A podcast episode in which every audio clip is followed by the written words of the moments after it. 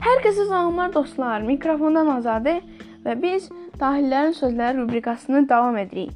Bu gün mən İbn Sinanın sətlarını səsləndirəcəm. Getdik. Mən öküzdən qorxuram. Çünki onun silahı var, amma ağlı yoxdur.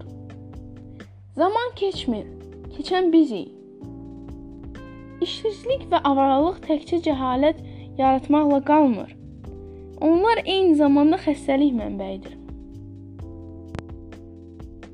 Bildim və başa düşdüm ki, heç bir şey kəşf olunmayıb və heç bir şey öyrənilməyib.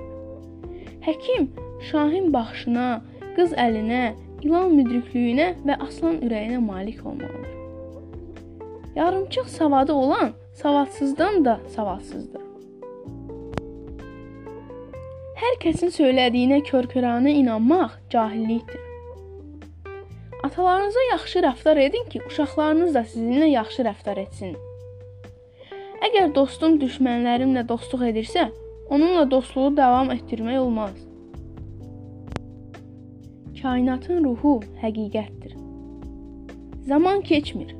Keçən bizik. Dostlar, bu qədər. Ümid edirəm ki, sizə podkast formasında dinləmək xoşunuza gəlir. Utanmayın və unutmayın. Öz fikirlərinizi mütləq rəylərdə yazın. Hələlik